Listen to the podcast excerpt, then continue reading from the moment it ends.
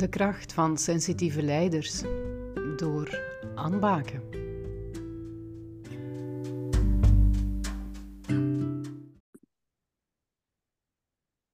Annelies, goedemiddag. Super fijn dat jij deel wil nemen hier aan het interview.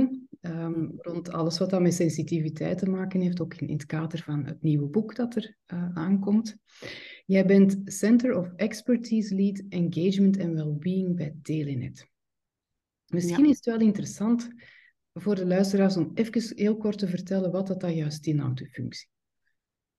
Ja, um, inderdaad, want het is niet zo'n voor de hand liggende of heel gekende functietitel. Uh, maar eigenlijk is het belangrijkste wat wij doen vanuit ons team, is enerzijds um, het engagement van medewerkers opvolgen. Hè? Dus dat gaat dan echt over uh, meting, surveys daar rond. En ook ervoor zorgen dat we dat dan op regelmatige tijdstippen gaan rapporteren binnen het bedrijf. Um, hoe gaat het met de mensen in de organisatie? Wat, ja, wat zijn zo de dingen die hen bezighouden? Um, en daar echt wel ja, een gecentraliseerde aanpak rond ontwikkelen. Telenet is een bedrijf met toch een, een 3500 medewerkers. Dus ja, dat vraagt wel um, wat organisatie en structuur om zo'n proces in goede banen te leiden.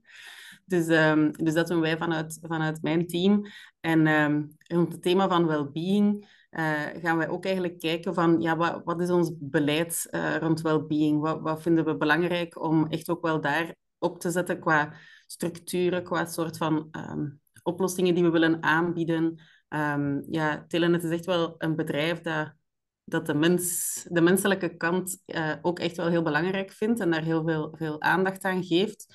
Um, dus ook echt wel wil om de medewerkers ja, de beste versie van zichzelf te kunnen laten zijn. Uh, nadenken over een aanpak daar rond. Uh, hoe willen wij dat dan vormgeven? Wat, wat willen wij daar rond gaan, gaan doen? Um, dus dat zijn eigenlijk ja, de topics waar dat ik dagdagelijks mee bezig ben. Oké, helder. Bedankt om dat even toe te lichten. Je bent um, ook een aantal jaar geleden al en iets recenter bij mij geweest voor een, een coachingstraject. Mhm. Misschien is het fijn om even te vertellen in het eerste traject waarvoor dat je toen bij mij bent gekomen. Ik weet niet of dat je zo daar nog naar kunt schakelen, want misschien lopen de dingen ook door elkaar, hè, omdat je twee trajecten bij mij gevolgd hebt. Dus ja, we zien wel. Wat was hetgene waarvoor dat je bij mij kwam? Um, ja, wel, ik herinner me dat eigenlijk nog, uh, nog redelijk goed. Um, dat was de eerste stap voor mij in een leidinggevende functie. Dus ik werkte toen een jaar of twee, denk ik, uh, bij Telenet in uh, een heel andere afdeling, in de business intelligence, rapportering, analyse, data. En ik was eigenlijk, um, initieel was ik, was ik een deel van het team, hè, dus had ik een functie van business analyst. En ik heb dan de kans gekregen om door te groeien en om eigenlijk teammanager van het team te worden waar ik zelf eerst in zat. Mm -hmm. um, en dat, ja, dat creëert wel een aantal dynamieken natuurlijk. Van, ja, eh, van, van part of the team, dat je dan ineens head of the team. Um, van ja, iemand die zelf de kennis en de expertise rond een bepaald domein heeft, word je dan ineens verantwoordelijk voor meerdere domeinen, maar dus ook domeinen die je zelf nooit helemaal in de vingers hebt, hebt gehad. Mm. En, en ik vond dat best moeilijk om dan um, ja, dat, dat een beetje los te laten. Of ik had mijn beeld van, ja, hoe moet ik dat nu doen? Hoe, hoe word je een teammanager? Ja, had ik eigenlijk nog heel veel vasthangen aan mijn vorige rol. En dus dacht ik van, ja, ik moet ook al die andere dingen heel veel in de vingers krijgen, tot in de details gaan begrijpen. En, en ik moet alle antwoorden hebben. Mm. Hè? Want mensen komen dan naar jou met de vraag van, ja, wat moet ik hier nu mee? Um, en dan is het eigenlijk door een contact met Martien Tempels, die, dat, uh, ja, die ik ook uh, leren kennen had binnen het bedrijf en um, waar ik direct een heel goede connectie mee had en, en die mij zo af en toe wel wat um, begeleidde of we hadden af en toe zo wel wat, leuke babbels. Um, en, en ja, ik had een aantal van die vragen ook aan haar voorgelegd en zij zei, goh, ja, ik herken dat heel fel. Dat is, dat is echt een, een, traject dat je, ja, dat, dat je door moet en dat je voor jezelf moet, moet gaan, uh, gaan vastpakken. hoe wil je daar naar kijken? En ik ken wel iemand die u daar zou kunnen mee helpen met dat, met dat traject. En dan uh, ja, dan heeft zij ons eigenlijk aan elkaar voorgesteld. En ik ben daar nog altijd heel erg dankbaar voor, want dat heeft voor mij toch wel een enorme, ja, een enorme deur geopend, zeg maar, ehm, die mij heeft gebracht tot waar dat ik vandaag sta. Ja, ja, ik ben ook nog altijd heel blij dat Martin jou heeft voorgesteld, want we hebben inderdaad ook wel heel fijn samengewerkt. Ik herinner mij ook ja, in het begin dat jij vooral het idee had van ik moet als, als leidinggevende van het team alles kennen. De mensen moeten naar mij komen en ik moet oplossingen kunnen geven. Ja. En op momenten dat je voelde dat, dat je dat niet kon, dat je die expertise niet in huis had of die oplossingen niet had, dan um, voelde je daar eigenlijk heel slecht bij. En dan dacht je dat je geen goede leidinggevende was. Ik herinner mij ook nog een verhaal van uh, dat je meetings begon en dat jij al op voorhand nadacht, wat gaan de vragen van de mensen zijn en hoe kan ik daar dan uh, ja, als expert op antwoorden. En dat je dat heel veel stress bezorgde. Ja. Hoe, hoe ben je daar verder mee omgegaan door het traject? Wat, wat is er dan gebeurd waardoor dat je dat nu anders bekijkt? Um, ja, ik denk dat we daar ik ben nu aan het denken van, we hebben ook zo'n keer echt zo een, een, een sessie gedaan. En dat is, als, ook als ik het vergelijk met het tweede traject, die, wat voor mij wel heel goed altijd heeft gewerkt, is dat we dan zo'n soort visualisatieoefeningen deden. Of dat je mij dan vroeg van, eh, ja, stel u voor en, en uh, plaats jezelf in die situatie. En ik kon me dat dan altijd heel mhm. goed echt inbeelden van, ja, ik voelde dan echt hoe dat ik mij kon voelen in zo'n situatie van dan bijvoorbeeld die eerste teammeeting. En ja, ik denk dat je, dat je mij dan toen ook echt wel daarin wat ge, gespiegeld hebt of wat geconfronteerd hebt met hoe ik me dan ging gaan gedragen in die setting. Want ik werd daar gewoon heel erg onzeker van. Hè. Het is, en en dat, dat besef ik nu ook wel heel goed. Je kunt geen antwoord hebben op alle vragen. Dus als je zelf die onmogelijke opdracht oplegt, dan kun je eigenlijk voor jezelf alleen maar falen. Want niemand heeft een antwoord op alle vragen. En zelfs niemand kan alle vragen bedenken. Want, ja, want wat zijn alle vragen? Dus allee, dat was echt een onmogelijke opdracht dat ik mezelf oplegde. En doordat ik dan in, in mezelf dacht van ja, oei, als ze, als ze dat gaan vragen en ik heb daar geen antwoord op, dan, dan, ja, dan werd ik heel onzeker en maakte ik me eigenlijk heel erg klein. En dan ging ik ook terugvallen op zo'n soort um, automatische pilootversie van mezelf. Zo kan het gelijk niet, niet mhm. anders omschrijven.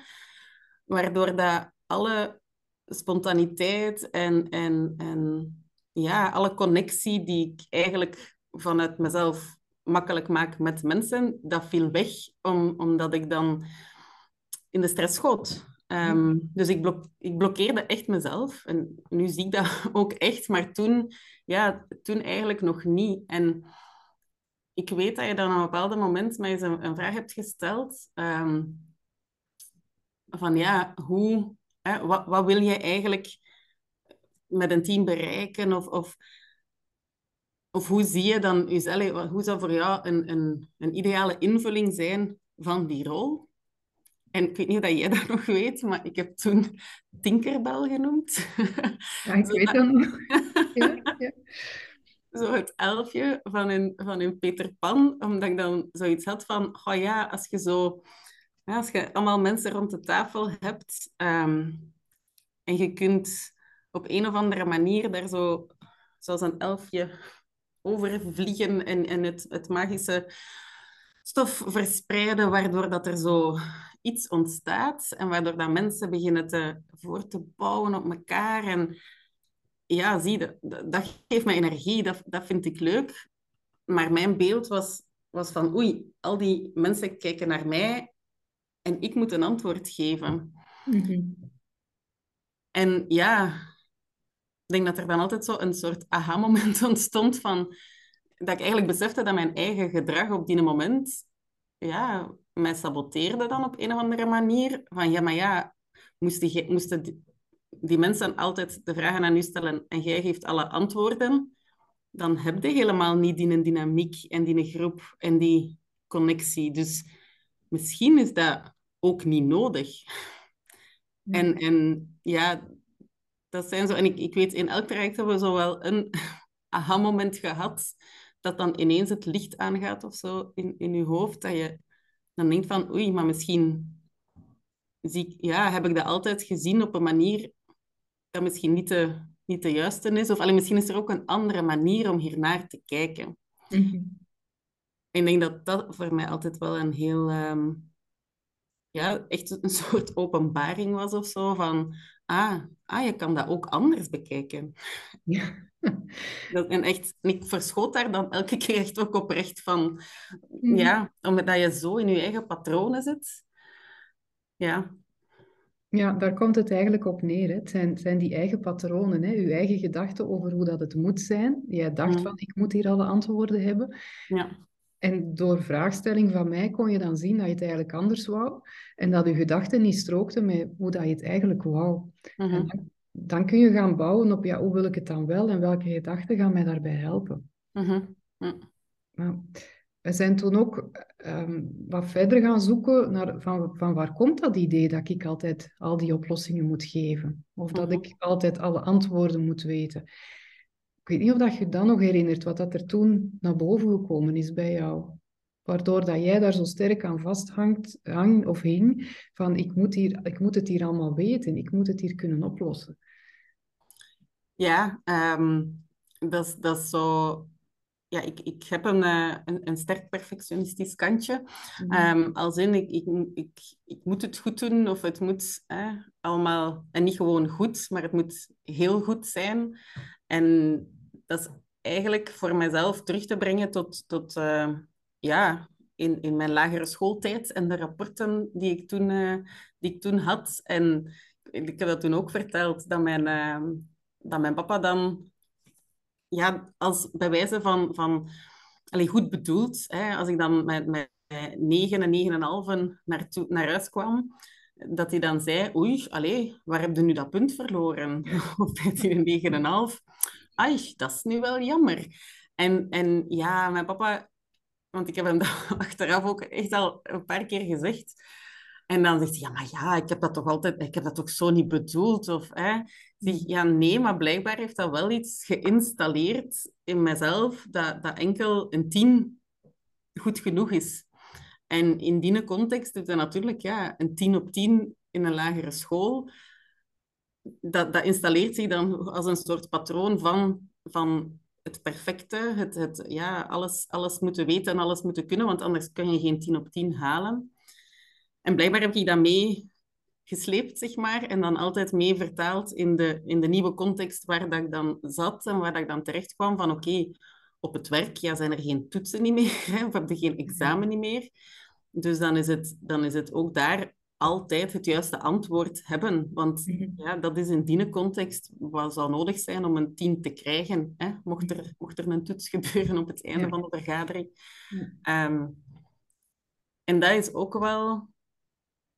Allee, ja, dat is, ja, je bent je daar, ja, je bent daar ergens misschien wel een, een beetje bewust van, maar je stelt dat nooit bewust in vraag voor jezelf. Omdat dat zo deel uitmaakt dan van hetgeen wat je ja, wat, wat, wat normaal is voor u, mhm. wat deel uitmaakt van uw achtergrond en van uw, van uw bagage. Ja, dat is dat, dat, dat vastgeroest patroon, hè, van zo moet het. En, en je ziet op dat moment niks anders. Hè. En mhm. door de coaching kun je dan tot een ander perspectief komen, omdat je er zelf over gaat beginnen nadenken. Ja. ja. Stel eh, dat je daar nu niet achter was gekomen achter hetgeen dat je nu net vertelt hè, en hoe dat je nu anders kunt kijken. Mhm. Wat had dat dan voor je carrière betekend? Ehm, ja, ik denk dat ik mezelf daar nodeloos veel druk mee, mee opleg, allez, of oplegde mm toen. Omdat, dus, ja, omdat ik mezelf een onmogelijke opdracht gaf. Omdat die... Ja, die een toets van het lager, daar, daar is het nog te doen om een 10 op 10 te halen. Mhm. in, in het middelbaar wordt dat misschien al een beetje moeilijker. Aan de UNIF ja, worden geen 100% meer gegeven. En alles daarna helemaal niet meer. Allee, ja, dan is het zelfs zo niet meer uit te drukken. En dan komt er zoveel complexiteit in, in, in relaties, in inhoud. In, allee, dus dat is niet meer... Dat is niet realistisch. Dat, maar toch, dus ik streefde voor mezelf naar iets wat dan niet realistisch was. En ook, ja, alles wat dus minder was dan dat, vond ik dan niet goed, waardoor dat je eigenlijk constant zo'n gevoel hebt van het, ja, van het, van het niet goed genoeg te Mhm. zijn of niet goed genoeg je best te doen, was zich ook wel... Allee, bij mij heeft dat zich niet echt gelukkig ehm, geuit in echt bijvoorbeeld een burn-out of zo, maar ik zou me ook goed kunnen voorstellen dat dat het, het geval ehm, zou kunnen zijn. En ik zie ook wel dat als ik, hoe dat ik nu werk, ook wel echt bewust anders is of in bewust andere patronen is dan, dan vroeger. Dat ik vroeger heel veel meer nog in... in ah, ik moet hier nog van alles doen en ik moet hier nog in, in uren kloppen. In, dat is dan echt in gedrag. Maar zelfs ook gewoon ja, in, in ruimte in je hoofd laten om... Bijvoorbeeld als je dan een vraag krijgt over iets wat nog heel abstract is of nog heel ver weg of voor bepaalde nieuwe projecten, ja, dan, dan schoot ik altijd een beetje in een kramp, omdat ik dacht van oei oei, maar daar, daar ga ik nooit alle antwoorden op weten, want God weet wat dat, dat dan gaat zijn. En ja, dan, dan, dan saboteerde ik zo mijzelf eigenlijk ook wel om, om de dingen die ik dan wel toe te voegen had, of, of waar dat ik wel iets mee kon doen, om dat ook op de tafel te leggen. Omdat als ik niet het gevoel had, ik kan dat hier helemaal 100% oplossen, ja, dan ging ik er ook niet aan beginnen. Ja, wat dat dan wel de enorme zonde was, omdat dan uw andere kwaliteiten ook gewoon niet meer aan bod konden komen. Hè. Dat was inderdaad, zoals dat je zegt, een saboteringsactie van uzelf, Mm. waarmee dat je je eigen eigenlijk eh, niet meer toestaat om, om ruim of breed te denken. Hè, waarin Ja. dat eigenlijk gewoon alles dichtklapt en, en dat er geen ruimte niet meer is of zuurstof niet meer is om ook andere gedachten nog te laten komen. Ja. Waardoor dat je het voor jezelf heel moeilijk maakt en ook voor de mensen die dat dan bij u eh, in het team zitten of samen met u werken. Mhm. Ja. En ik denk als je daarin had blijven zitten, dat je dan nooit had kunnen staan in, in wat dat je nu doet. Dat dat voor u, of dat het heel veel, nog veel meer energie zou gekost hebben, alleszins. Dat het voor u heel... Ja, voilà, inderdaad. Het is zo, nu hoor ik mijzelf dat soms zelfs echt expliciet ook zeggen tegen, tegen mensen in mijn team. Eh, als ze zeggen van, oeh, of als ik zeg van, oh, we hebben iets, iets nu nodig, hè, tegen een redelijk korte termijn of zo. En dat die zeggen, ja, maar ja, maar ja, dat, dat gaat toch echt niet gaan, want dan moeten we nog dat en dat en dat en dat. En dan zeg je, ja, maar wacht even, hoe belangrijk is dat? Laat ons, laat ons ook gewoon daar goede keuzes in maken. En het is misschien goed genoeg om hier gewoon twee slides voor op te leveren. Hè? En niet een hele analyse van tien pagina's. Want Ja. ja, hè, is, het, is het wel nodig? Mo- Moeten we dat wel doen? Terwijl, ja, ja, als je die vraag zelfs niet stelt en als je automatisch denkt, ah ja, deze vraag betekent dat ik nu nog tien pagina's moet gaan beginnen hè, produceren of analyseren of weet ik veel wat, ja, dan, dan zijn al, zijn je jezelf ook gewoon die, die een druk aan het opleggen, wat dat dan betekent dat je je daar gaat in verdiepen, heel veel tijd gaat insteken, heel veel... Ja. En dan En ga je ja. mogelijkheden eh, stoppen. Hè? Dan, dan breek je jezelf je mogelijkheden af. Hè? Dan, dan lukt het. Ja, voilà. Ja. Ik weet zelfs nog dat ik ook ooit aan Martien eh, zo de vraag gesteld had. Om, ja, dat ging over wat, doorgroeien of zo verdere stappen in je, in je carrière. En eh, dat ik daar ooit zei van, ja, maar eh, ik, kan, ik, ik, allee, ik, ik ben op mijn, op, mijn, op mijn limiet, op mijn maximum. Want ja, als ik kijk naar hoeveel uren dat ik nu aan het werken ben, dat, dat kan niet nog meer. En ja, dat zal toch wel bij elke stap die je zet verwacht worden dat je dan nog meer gaat werken. En, en in mijn hoofd was, was, dat, ja, was dat ook een realiteit. Dat ik zei van ja, dus, dus dat gaat niet lukken bij mij. Eh, en dan was bereikt. Ja.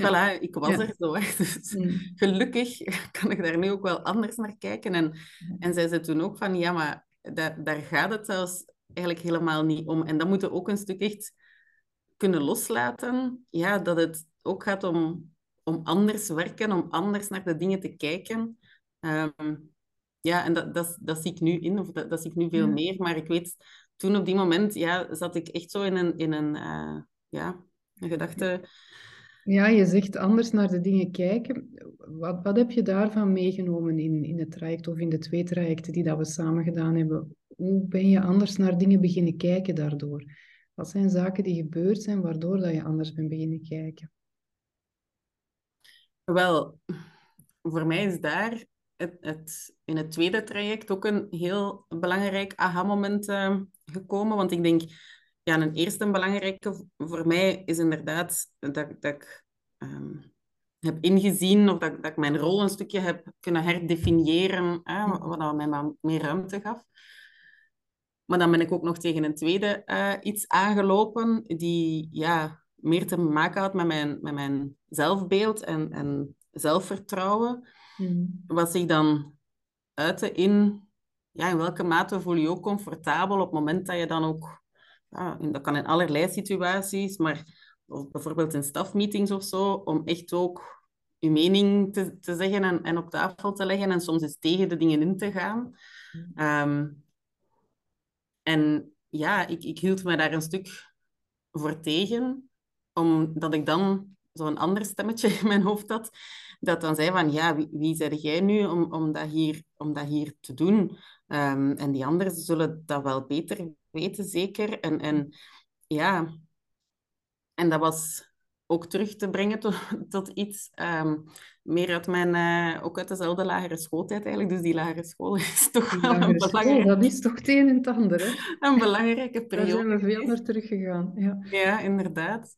Um, ja, dat was een, een pestsituatie daar. Hè? Dus iemand die, ja, die haar pijlen op mij gericht had, zeg maar. En die ja, echt ook wel een, een beeld of een overtuiging bij mij heeft geïnstalleerd dat, dat, ja, dat ik dan niet goed genoeg was. Hè. Dus dan ging het niet om mijn, om mijn toetsen of om mijn punten, maar die... Ja, en, en dat is typisch in zo'n pestsituatie. Ja, er wordt dan om te even om welke reden, want ondertussen zie ik dat dan in, dat dat, dat, heel banaal was. Maar die reden sladen eigenlijk niet mee op in je eigen systeem, maar wel de outcome zijnde, ja, ik ben niet goed genoeg, ik ben niet belangrijk genoeg. En dat zorgt voor twee dingen. Dat je echt ten eerste heel, heel fel om, om bevestiging gaat zoeken, continu buiten jezelf, om, om af te toetsen van het is toch wel oké en, en, en, en ik ben hier wel oké. Maar ook anderzijds dat je dus jezelf ook weer gaat, gaat saboteren van ja, ik moet hier wel ja, voorzichtig zijn of, of allee, ja, het zal wel niet relevant zijn wat ik aan tafel uh, kan brengen. Hmm. En ja, daar hebben wij ook een, uh, een oefening rond gedaan, een zeer intense oefening, herinner ik mij nog. Hmm. Ja, die dan ook echt naar boven bracht van ja, een, beetje, uh, een beetje zo hetzelfde van ja, hè, kan dat nog wel? Allee, dus dat je eigenlijk kritisch gaat kijken naar die, die overtuiging die, die u dan zo lang geleid heeft in uw gedrag, onbewust. En dat je die eigenlijk toch wel eens heel bewust in vraag gaat stellen. Um, en, en dat heeft er bij mij ook voor gezorgd dat ik op een andere manier naar mezelf kan kijken. Waar, om, omdat ik dan besef van, ja, eigenlijk heel die context daar, die, die heeft gezorgd voor het feit van, ja, ik, ik ben niet goed genoeg. Hmm. Door daar anders naar te kijken, ook zo dan beseft van, ja, maar dat, dat sloeg eigenlijk op niks. Of dat, of dat was, hè? Dus is die een outcome wel, is dat wel gerechtvaardigd dat dat in mijn systeem zit? En, en, en dat dat nu nog altijd bepaalde acties ja, beïnvloedt of, of mij leidt. En denk, ja, dat ik dan ook zo echt dat, dat gevoel ineens had van, ah, oei, maar, maar misschien is, het, is dat niet zo. En misschien ben ik eigenlijk wel goed genoeg. En, en ik weet dat dat een heel emotioneel moment was voor mij, om, om ja, dat is iets wat je jaren, allez, uh, 30 jaar opgeslaan zit in je systeem. En ineens komt daar dan zo'n energie vrij van, amai, maar stel je eens voor hoe het zou zijn mocht ik wel goed genoeg zijn. En mocht ik wel... Ja, dat, dat was ineens ook weer zo'n verademing. Uh, en nu, want ja, dat is natuurlijk niet zo... Dat is geen knop omdraaien dat dan ineens alles goed is of zo. Maar ik, ik merk wel, en dat is echt heel bewust, op momenten dat zo, dat stemmetje dat vroeger dan altijd de bovenhand zou gehaald hebben van... Ja, zwijg maar zelf, had dat idee maar bij u. Dat is waarschijnlijk iets, iets belachelijk of iets stom waar dat jij nu aan denkt. Dat komt nog wel even. Dat komt er nog wel eens piepen mhm. van... ja, zouden dat nu wel? Maar er is ook een ander stemmetje dat ik daar dan echt bewust tegenover zet van... Ja, maar ja, wat dat jij denkt is ook van tel en is ook van mening. En mogen hij hier ook op de tafel leggen? Het is ook een reden dat jij ermee aan de tafel zit. Dus, dus ja, dus doe dat maar. En vertrouw daar maar op dat dat oké is. Mhm. En ja, dat, is, dat is, merk ik nu heel erg krachtig, maar, maar dat heeft mij wel heel veel tijd gekost om, om daartoe te komen, om dat zo te kunnen bekijken. Mhm. Ja, maar het is wel heel sterk en heel knap van jou dat je dat gedaan hebt. We hebben daar inderdaad naar een, een omslagpunt gegaan, waarin dat je op een andere manier naar jezelf kon gaan kijken.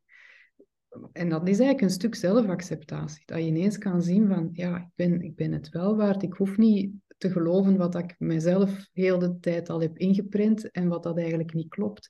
Ik herinner mij ook dat je de sessie daarna vertelde, of, of een van de sessies die daarop volgde, dat je ehm, de persoon die dat jou toen enorm gepest had, per toeval terug was tegengekomen. En dat je mhm. echt zo kon zien van, ja, maar wat stelt dit hier eigenlijk voor? Allee, dat je ook vanuit een mededogen naar die persoon kon kijken. Mm dat, dat we wisten van, het, het is oké, het moment is terug in evenwicht gebracht, het is geneutraliseerd en, en mhm. we kunnen verder.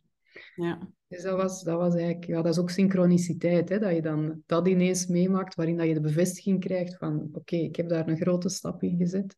Ja. Of gewoon ook te zien dat ja, die relatie en, die machtsverhouding, hoe ze dan was in, in, het, mhm. in het lager hè, uh, van, van de pester en het slachtoffer, die, zo, ja, ja, die zich dan wegsteekt of klein maakt, om, om ja, dat, dat, dat je dan nu ziet van oei, maar dat is nu helemaal, dat gaat nu helemaal niet meer op. Um, zonder dat het een machtsstrijd moet zijn of zo, maar gewoon dat je wel voelt van oké, de, de, context is helemaal anders, de dynamieken zijn helemaal anders. Ja. Dus ja, is het ook wel, wel logisch dat ook de, de, de wetten die toen gelden misschien nu niet meer valabel zijn. Hè? Mm. En, en, en, dat je daar wel een stukje van kunt loskomen. ja, ehm, ja dat heeft mij ook echt wel heel, uh, heel fel geholpen. Mhm. Ja, super om dat te zien. Je moet eerst de iPhone ontgrendelen.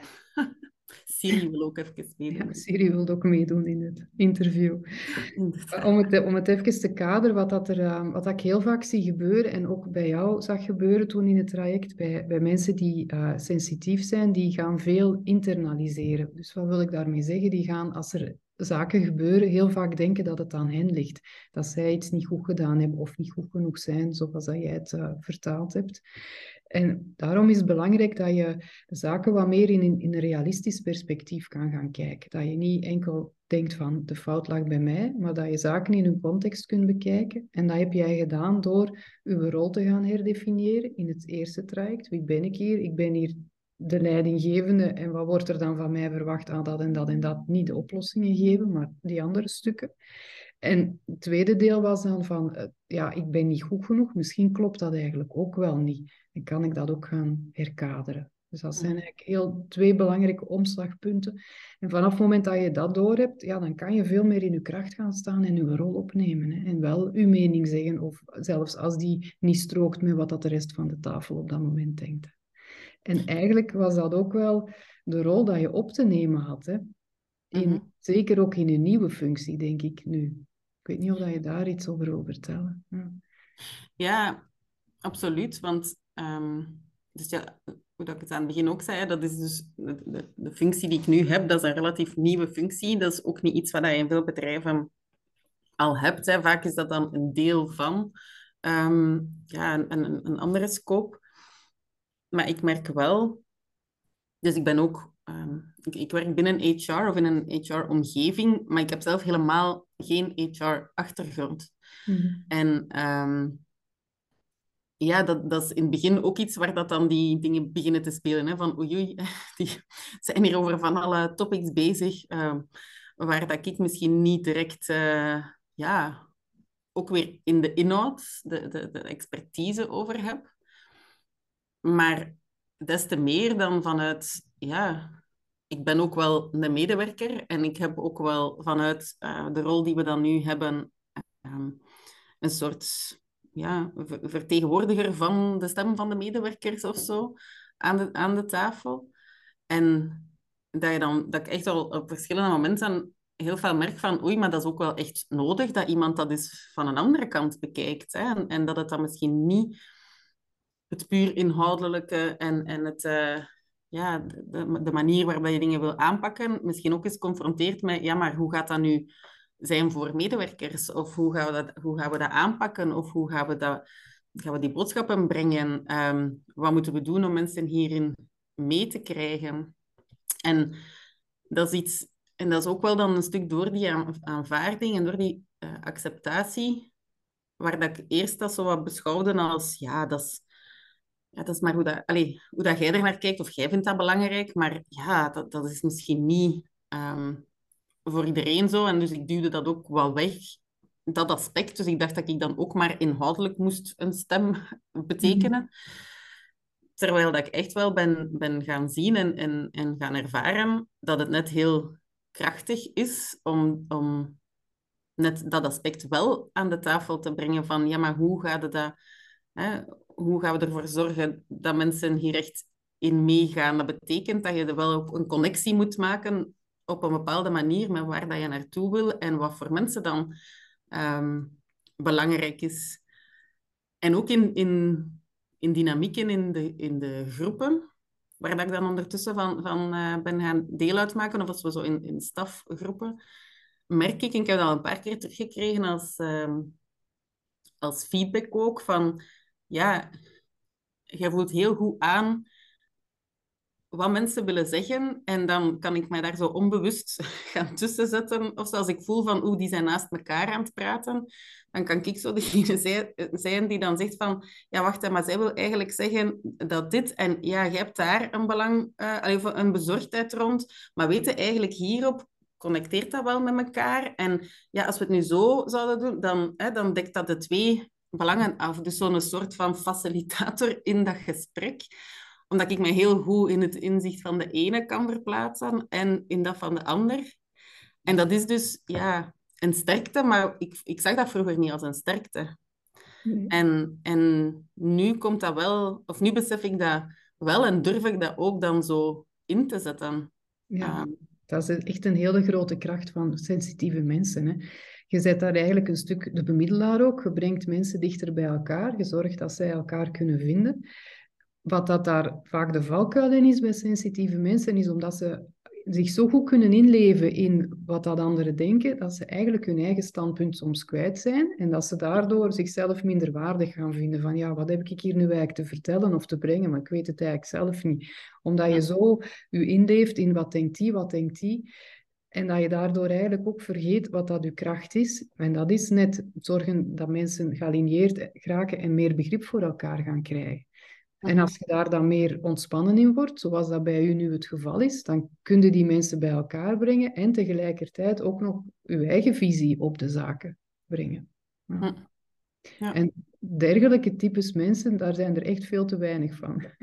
dat is echt zo. Allee, dat is Zeker, ja, in, in de bedrijfsculturen nu, omdat we toch nog altijd zo het idee hebben van ja, ik moet mijzelf hier naar voren brengen, ik moet zorgen dat mijn eigen standpunt hier uh, gehoord wordt, dat we soms te individualistisch zijn en dat die verbinding echt wel nodig is. Dus mensen die daarvoor zorgen, die, die zorgen echt voor een veel betere samenhang in een groep. Dat is heel hmm. belangrijk. Ja. ja, maar je moet dat inderdaad ook durven, of ook de veiligheid voelen om het te kunnen en te mogen uiten en inzetten. En ik denk dat dat ook wel vaak, in, allee, dat dat niet in elke bedrijfscontext even uh, makkelijk is. Um, ja, omdat er toch nog wel een soort beeld dan hangt van, ja, maar ja, het is, je moet rationeel, cijfermatig, de dingen onderbouwd. En, en daar hebben we het ook wel, wel eens over gehad, zo van, ja, je kunt niet naar een... Uh, naar een directiemeeting gaan met een gevoel. Hè? Of met zo van, ja, ik, ik denk of ik voel precies aan dat. Um, terwijl, allee, uiteraard is dat nog al, is dat, is dat wel zo. Allee, of, ja, moet je een stuk die, die, die een onderbouw en dat zij vermatigen. Maar ik heb toch stap voor stap gemerkt dat, dat, dat het wel iets is wat je er kan aan toevoegen. Um, ja. En dat dat dan zo wel, ja, soms ook zelfs bij mensen waar dat je dat niet altijd zo van verwacht is, soms een, een, ja, voor hen dan misschien ook op dat moment zo wel ergens een, een connectie triggert of zo, ergens iets in hun hoofd van, ja, alleen, it makes sense zo. Van, dat ze wel herkennen wat dat je wil zeggen, zonder dat die dan zelf ook in staat zijn om dat dan misschien allemaal in het juiste cijfertje te gieten. Mhm. Maar dat het wel ook waardevol is om dat mee aan de tafel te brengen, op welke manier dan ook. Ja, je gaf daar net zelf aan van ja, dat is toch niet altijd zo evident om dat dan op een niet-rationele manier te brengen. Maar jij hebt blijkbaar toch een manier gevonden. Want dat doet het nu wel. Wat heeft u geholpen of, of welke gedachten heb jij waardoor dat je het wel durft brengen? Wat dat je dan voelt of welk ja, inzicht dat je of wat dat uw intuïtie u op dat moment vertelt. Ja, ik denk dat ik heb er ook ooit eens ehm, een boek over gelezen. Ehm, dat, ik, ben nu, ik weet niet meer goed wat dat de naam daar nu van was, maar dat ging over ehm, de kracht van intuïtie. Mhm. En omdat dat ook iets was waar ik op vastliep van, ja, hè, als, als je nu bepaalde dingen aanvoelt, van waar komt dat nu? Of, of hoe komt dat dan dat ik dat aanvoel dat dat zo zou moeten zijn? Of, of dat dat... En ja, in die boek werd dat eigenlijk heel duidelijk naar voren gebracht van ja, uw, uw intuïtie, dat is, dat is een soort op- opgebouwd geheugen van alles wat je al hebt ooit meegemaakt of gezien of gelezen of, of gehoord. En, en, en dat, dat balt zich samen in intuïtieve, ehm, ja, een intuïtief aanvoelen. En dat heeft dat voor mij zo een, een recht van bestaan gegeven of zo, dat ik dacht van, ah ja, maar dat is dus niet gewoon iets wat een keer in mijn hoofd uh, allee, erdoor vliegt en, en wat morgen iets anders zou kunnen zijn. Nee, dat, dat heeft ook ergens een soort van rationele onderbouw, als in, dat is op iets gebaseerd, maar misschien is dat wel op, dingen gebaseerd die, ja, die niet altijd even, even tastbaar zijn, of zo nog even zeer te vatten in, hè, is dat in een cijfer, is dan... En ik denk dat ook, ook weer daar vooral ook je eigen gevoel daarbij is, dat maakt hoe dat je dat kan uiten. En als, je- als je heel... Als je er eigenlijk zelf niet echt helemaal in, in gelooft en als je dan zo wat voorzichtig probeert in heel erg twijfeltaal te zeggen, ja, maar ik denk misschien zou het wel eens kunnen dat, ja, dan, dan wordt dat van de tafel. Ja. Ja. Maar ik denk als je dat echt vanuit een overtuiging naar voren brengt, die mensen ook wel dan aanvoelen van, wow, maar die, ja, die weet hier wel wat ze zegt, die weet waarover dat ze spreekt, dat is hier niet. En dat soms, dat is stom, hè, maar dat, dat heeft soms gewoon al maar te maken met de, echt met de manier waarop dat je het brengt of dat je het vertelt. Waardoor dat dan ineens wel een recht van bestaan heeft en, en waardoor dat het dan ineens wel gaat meetellen als een, als een argument. En ik denk, doordat ik daar dan zelf anders ben beginnen naar kijken, ja, dat ik dat dan ook meestal heb bewerkstelligd van, ja, het is wel, eh, het is ook wel echt belangrijk om die zaken mee in rekening te nemen. Ja, want dat is ook weer uw mindset, hè? de kracht van Ja. hoe denk je erover. En vanaf het moment dat jij voor jezelf hebt toegelaten van dat is wel waardevolle info, die is wel op iets gebaseerd. Want het klopt inderdaad wat dat je zegt, dat zijn zaken die dat je doorheen je leven hebt opgepikt, dingen dat je gelezen hebt, misschien zaken dat je op tv gezien hebt of een programma dat je ergens gehoord hebt. En daar gaan sensitieve mensen en ook andere mensen linken leggen tussen al die informatie. En dat komt dan op een gegeven moment naar boven als er een vraag of zo gesteld wordt. Dus dat is inderdaad wel gebaseerd op dingen die ergens ooit al onderzocht zijn geweest. En als je dat dan aan jezelf toelaat, van dan mag ik dat wel vertellen, dan kom je heel zelfzeker over. En dan nemen mensen zaken wel van u aan. Dus die mindset, die persoonlijke ontwikkeling daar rond, dat is eigenlijk ook de, de groei dat je te maken hebt. Hè? Van sta ik achter hetgene dat ik vertel. En als, als dat zo is en mensen voelen dat, dan ga je mensen veel makkelijker kunnen meenemen in je verhaal. En dat is dus wat dat jij gedaan hebt, of doet nog steeds. Ja, ja super sterk. inderdaad. Oké. Ja, we zijn eigenlijk al een tijdje over uw tweede traject bezig, hè, waarin dat je zei van, daar heb ik vooral gewerkt rond dat stuk van niet goed genoeg zijn. Ehm, heb je misschien nog ergens een concreet voorbeeld van hoe dat jij dat merkte in, in uw nieuwe functie dan, dat u dat parten speelde? Waar, waar liep je concreet tegenaan? Wat was er moeilijk? Maar de, ah ja, de aanleiding bedoel je dan eerder richting dat tweede traject? Mhm. Ehm, ja, ik denk dat dat vooral ook in die, in die, ehm, in die bevestiging zat. Allee, hoe ik er voor mezelf nu op terugkijk, is denk ik, in dat eerste traject heb ik vooral um, dat eerst aan mij, rond mezelf uh, gewerkt. Hè, of rond dat, ja, wat moet ik doen of, of hoe moet ik goed genoeg zijn. En het, bij het tweede kwam er zo de, de sociale context dan nog eens rond of bij. Um, van dat ook tegenover anderen voldoende te, te kunnen en te durven um, uiten. En dat kwam eigenlijk naar boven op een moment... Dat was in een project waar we met een bepaalde uitwerking van een... Van een um, stom uiteindelijk, maar zo in een, in een celebration moment um, aan het werken waren. En um, het ging dan over ja, hoe gaan we dat nu precies uh, aanpakken of wat, gaat, wat gaan we precies allemaal doen op dat event. Of, allee, dat doet er nu niet toe, maar ik had eigenlijk net voor mezelf daar bepaalde keuzes in gemaakt waarvan ik zei van kijk, eh, dit is goed genoeg voor, mm. voor, voor deze. En ik werd daar dan eigenlijk op gechallenged. Um, vanuit mijn leidinggevende toen, die ook iemand was die heel, uh, heel ambitieus en, en altijd naar het beste streven. En ja, hij, hij triggerde mij dus op iets waar ik eigenlijk net voor mezelf al veel moeite had gedaan van ja, nee, we gaan dat niet zo doen. Hè? We gaan dit doen. En, en dat is goed genoeg.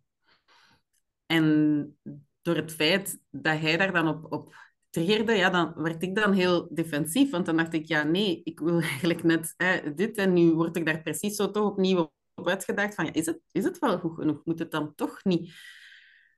En, en dan werd dat precies ook zo iets heel persoonlijk. Um, waardoor dat ik dan merkte van, oei, in, in relaties, allez, in werkrelaties, ja, kan je daar ook nog of is het nog weer een andere dynamiek die daar dan bovenop komt? Dat, ook al heb je het voor jezelf dan zo ergens wel een, een plaats gegeven. Um, dat ik ook daar, want ik identificeer daar dan ook gewoon heel, heel fel mee. Dus dan had ik daar toch ook weer ergens het gevoel van, ah ja, dus dan is het toch ergens niet goed genoeg. En ja, dat was dan wel voor een event of voor, voor zo'n zo traject, maar dan werd dat toch weer iets heel persoonlijk. Um, ja, ik denk dat je daar echt op, op de, de volgende uitdaging, de volgende test gekregen hebt, zo noem ik dat altijd. Je hebt eerst het eerste traject aan jezelf gewerkt en dan ineens kwam de volgende laag, het volgende level eigenlijk. En de uitdaging is daarvan, ga ik hier ook in blijven kunnen staan? Hè? Ga ik hier ook kunnen blijven vasthouden aan mijn nieuw gedachtepatroon? Ga ik hetgeen wat ik heb opgebouwd ondertussen ook kunnen doen in die nieuwe context, waarin dat ik nu door mijn nieuwe baas dan eigenlijk net op hetgene waar dat ik rond gewerkt heb, terug wordt uitgedaagd. In het hm. stuk van is het wel goed genoeg, krijg ik nu blijkbaar plots een baas die dat ook nog eens in vraag gaat stellen. Hm. En dat was voor u de tweede uitdaging. Ja. ja. De next level. Next level, ja. Zo ja. we toen ook, ja. Dat is waar. Ja. En hoe denkt je, doordat je door die verschillende levels doorzwommen bent en, en daar sterker in geworden bent, hoe denk je dat jou dat nu helpt in het werk dat je nu doet? Um, ja, het heeft mij... Bijvoorbeeld in, dat, in die laatste situatie ging het dan ook over... Ja, hoe, hoe kijk je naar feedback op het moment dat die binnenkomt? Mm. En, en waar dat, dat dan soms een trigger kon zijn van... Ah ja, hij challenged mij op het feit, is dat nu, is dat nu goed genoeg? Um, ja, was daar, is daar ook een herkadering uh, gekomen naar... Oké, okay, maar wacht, wat wil hij mij zeggen en waarom wil hij dat zeggen? Ehm, en en wat, zit daar, wat zit daarachter? En ten eerste, ja, het gaat niet om u. Het gaat om dat project wat er al een emotionaliteit afhaalt. Hè? Want anders ja, werkt dat ook gewoon al niet mee als het heel veel lading meekrijgt. Dus, dus ja, dan, dan kun je daar al een stukje meer afstand van nemen. En ook in het algemeen zowel feedback een stukje herkaderen als ja, waar ik dan naar feedback keek van oei, dit is een afkeuring van wat ik heb gedaan, naar ja, nee, dat is, dat is misschien een input die je kunt meenemen om, om naar volgende stappen te kijken. Ja. En ja, in de dingen waar ik nu mee bezig ben, ja, daar, zijn, daar is nog heel veel onontgonnen terrein. Um, we zijn bijvoorbeeld ook recent rond, rond diversiteit en inclusie beginnen werken uh, binnen Telenet. Dat was nog één onontgonnen terrein. Dus ja, dan is het ook echt gewoon zoeken van... Oké, hoe gaan we dat hier aanpakken? Wat gaan we daarom doen? We weten dat dat ook een topic is met best wat ook zijn eigen lading en, en, en voor- en tegenstanders. En ik weet nog in een van de eerste projecten dat ik bij Telenet deed, de, ja, dat ging toen over uh, customer experience, een amazing customer experience. En daar had ik ook heel fel die, die link naar mezelf altijd gemaakt van, ja, als iemand uh, niet mee wil in dat, in dat traject of niet in... Dat is, dat ja, en dat, dat is niet goed en dat is een soort afkeuren. En dat is... Terwijl dat ik nu door alle stappen, en dan komt het zo allemaal een beetje samen ergens, van ja, oké, wat is mijn rol in diversiteit en inclusie? Dat is niet om elke medewerker van Telenet een fan en een ambassadeur van, van, van dat thema te maken. Maar ja, het is wel om het thema, ja, meer als een faciliterende rol, hè, om het thema op de agenda te brengen, om het beschikbaar te maken, om degenen die klaar zijn voor een volgende stap, die volgende stap daarin te laten maken, maar om ook te aanvaarden dat niet iedereen zal mee zijn. En ook daar, als, er, als we iets organiseren en er komt een kritiek op, om die heel nieuwsgierig, alleen met een gezonde nieuwsgierigheid naar te kijken van, hmm, van waar komt dat nu? Tja, wat zou die dan nodig hebben? Ah, dan moeten we misschien zoiets ook gaan doen. Hmm. Waar dat ik in het begin daar zou naar gekeken hebben van oei, die keurt dat hier niet goed. Dus ja, we zijn niet goed bezig. En, we zijn, en dan zou er een heel negatieve spiraal ontstaan.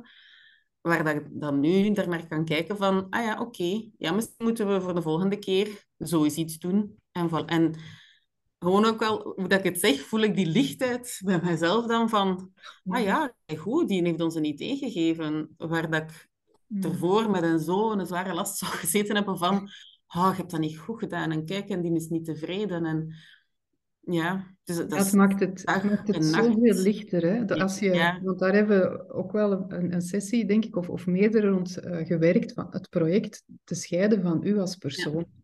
Dat als er iets gezegd werd, dat je dat niet op u persoonlijk moest nemen. En dat is ook weer een hele belangrijke voor sensitieven die veel internaliseren, dat je, dat je direct het gevoel hebt van, ah, dat wordt hier, er wordt hier iets gezegd over wie dat ik ben als persoon, over mhm. mijn kern, mijn essentie, maar dat is, het ging over het project.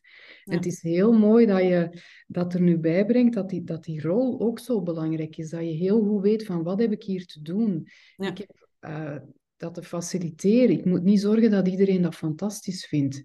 dat is een, een, heel groot verschil en dat zorgt voor zoveel meer lichtheid en vrijheid in het kunnen uitoefenen van hetgeen dat jij aan het doen bent.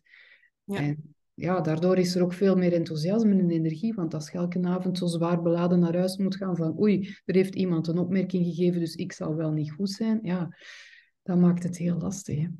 Ja, ja. Daar ben je door, ben ik ja. heel blij daar, daar, wel, allee, er zullen, dan zal er wel weer een next level challenge misschien komen. Er is maar, altijd een next level, ja. Dan weet ik je te vinden, hè, Anne. ja, ja.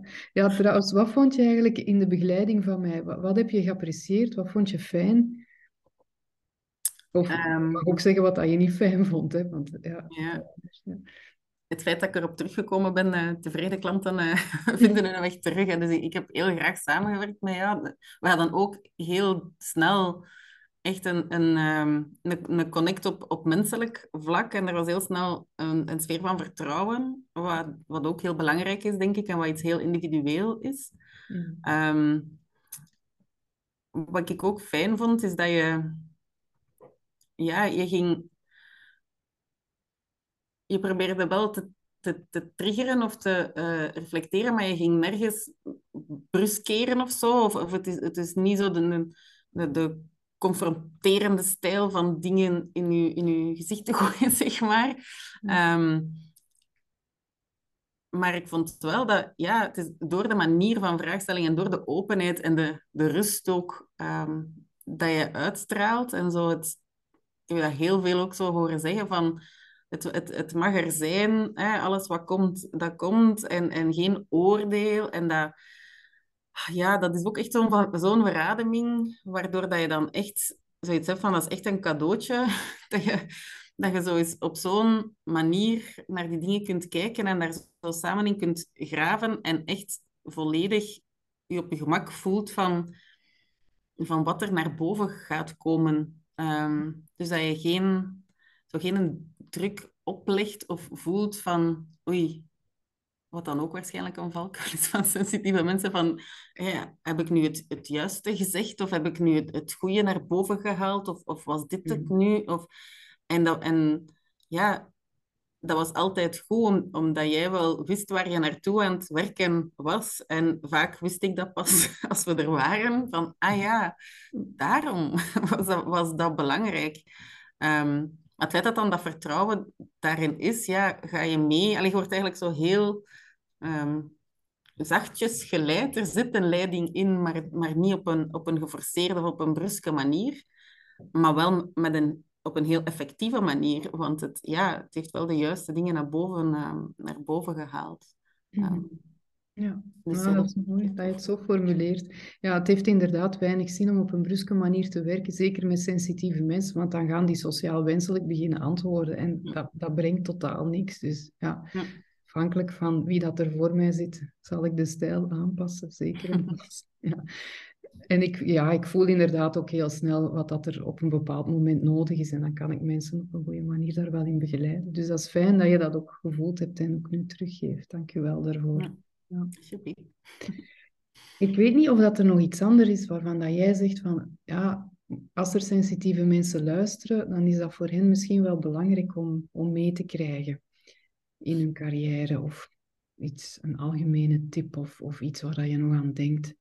Want dat is toch best wel belangrijk. Goh, ja. Ik denk misschien het, het, het belangrijkste is, want zoals je daarnet zei, van sensitieve mensen voelen heel veel dingen aan,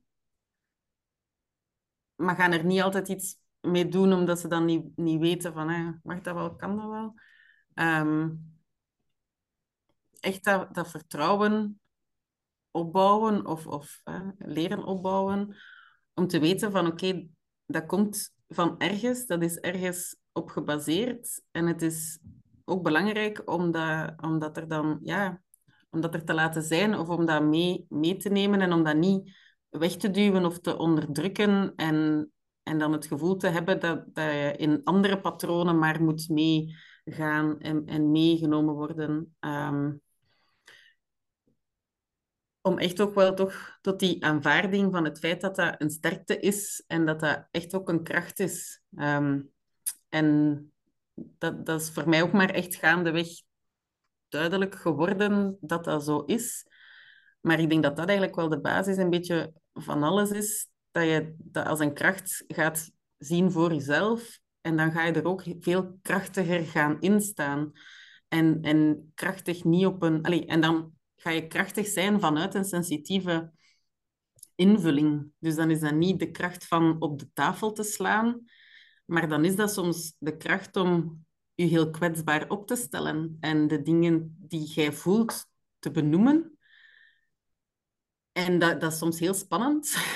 Zo, maar ik heb echt ervaren op momenten dat ik dat, dat ik dat al heb durven doen, dat, dat dat dus zoveel kracht heeft dat die kracht eigenlijk net in die kwetsbaarheid zit. Ehm, en dat dat iets is wat heel veel mensen niet, niet, niet durven benoemen of niet durven naar buiten laten komen. En dat dan degene die dat wel doet, wel zo'n soort ah, opluchting bij anderen kan creëren. Van, maar ja, ja, want dat is eigenlijk waar het over gaat. ja, voilà, of, of dan leeft er hier. Ja, of soms zo dingen die dan misschien zo de, onder de radar leven of dingen die je, die je aanvoelt, als je die dan plots bespreekbaar maakt. Dat is ook iets, denk ik, dat wij zo ergens wel eens in een sessie hebben, hebben gezegd. Dat je, zolang dat je iets als een schaduwkant beschouwt en dat je dat zo precies probeert weg te duwen en gaat dat toch hè, zijn best doen om naar boven te komen. En eens dat je dat erkent en uitspreekt en benoemt, hetgeen waar je dan zoveel schrik van had om te doen, dan is dat eigenlijk plots de helft van zijn kracht al, al kwijt. Hij is de helft van zijn macht dat dat over u had al kwijt, omdat het dan ineens out in the open is. En het heeft zelfs veel meer effect als het dan benoemd is. Dan, dan is er ineens heel veel lading of spanning weg uit heel de vergadering of uit heel de, heel de, de context. Ja, omdat het dan gewoon maar een keer benoemd is. En dan ligt het op de tafel. En dan is het uh, misschien helemaal niet zo eng als, als dat je gedacht. Dat we dachten, hè. Ja, dan blijkt ja. het niet zo groot te zijn. Dat is inderdaad, uh, ja, van die schaduwen, dat is mooi dat je dat nog eens aanhaalt. Daar hebben we ook rond gewerkt, klopt, ja. Ja, dat, dat, er zit uh, zoveel diepgang ook in alles wat dat je vertelt, Annelies. Dus ik ben u echt ook super dankbaar dat je dat allemaal zo, zo mooi formuleert en met zo'n mooie voorbeelden aangeeft. Um, dus dank u wel om dat zo allemaal te duiden. Ik, de, de, kracht zit inderdaad voor de sensitieven in zelfacceptatie, dus ook jezelf mogen zijn in contexten waarin dat je denkt dat je op een andere manier te reageren hebt. Want dat is eigenlijk net de toegevoegde waarde dat je te brengen hebt. En daarvoor ben je er eigenlijk ook net. Hè. Dat, daar hebben wij ook rond gesproken. Hè. Dat dat hetgene is waardoor dat je um, zoveel teweeg kunt brengen. En dat is natuurlijk tegen de stroom invaren, hè? want dat is niet wat dat de, de, mainstream doet, maar dat is wel net waarom dat wij er zijn. Dus als vanaf het moment dat je zelf dat toelaat om dat te doen, dan voel je zelf ook veel beter. Hè? Je, je geeft, geeft heel veel zelfvertrouwen op momenten dat je merkt dat je dat durft en daarmee bouw je zelfvertrouwen ook op. Hè? Dat heb jij hier nu ook prachtig gedemonstreerd door zo open te vertellen over je traject. Hè, want dat is eigenlijk ook heel kwetsbaar dat je het verteld hebt. Um, waardoor dat, dat, ik ook wel denk dat er mensen zullen geraakt zijn door het verhaal dat je verteld hebt. Dus daar ben ik u echt heel dankbaar voor. Dank u wel om het hier zo helder, duidelijk en kwetsbaar te brengen. Dat is een plezier om naar jou te luisteren. Merci. Dat is uh, alleszins heel graag gedaan. Wil je net als de CEO's en senior leiders van deze podcast sensitieve strategieën voor sterk leiderschap inzetten? Wil je effectievere relaties met stakeholders, waardoor je anderen makkelijker meekrijgt en ook meer gewaardeerd wordt als leider? Waardoor je dan uiteindelijk jouw organisatie of afdeling eenvoudiger naar duurzame successen kan leiden. Als je dat ook wil, ga dan met mij in gesprek en vraag een strategiesessie aan via naturalleadership.be.